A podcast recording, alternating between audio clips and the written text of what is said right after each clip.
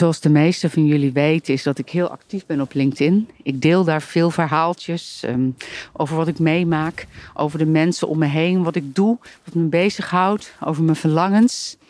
En vorige week schreef ik een stukje over genieten.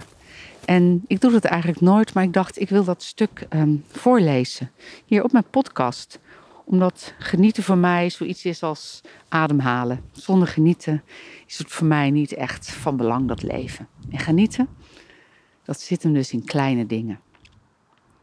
Zo zag ik van de week een man zo prachtig genieten van de glimlach van zijn vrouw. Genieten. Zelf kan ik enorm genieten van de geur van zwoele zomerlucht, van de aanraking van een mens, van de juiste muziek op het juiste moment, van de knisper wanneer ik mijn tanden in een luchtig koekje zet, van een sappige sinaasappel, van mijn lief, van de stilte. Genieten.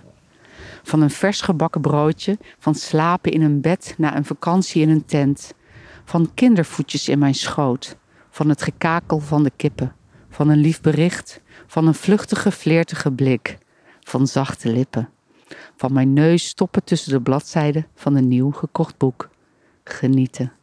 Van een kriebel in mijn buik, van snuffelen aan donzig babyhaar, van een lief woord, een handgebaar, van net gewassen beddengoed, van warm water op mijn huid, de zon, de regen, van wind en van kou, van buiten, van dansen, van houden van, genieten. Dat zit hem vaak in kleine dingen. Je kunt het nooit te vaak en nooit te veel doen. Ik wens je heel veel genieten vandaag of morgen, eigenlijk altijd.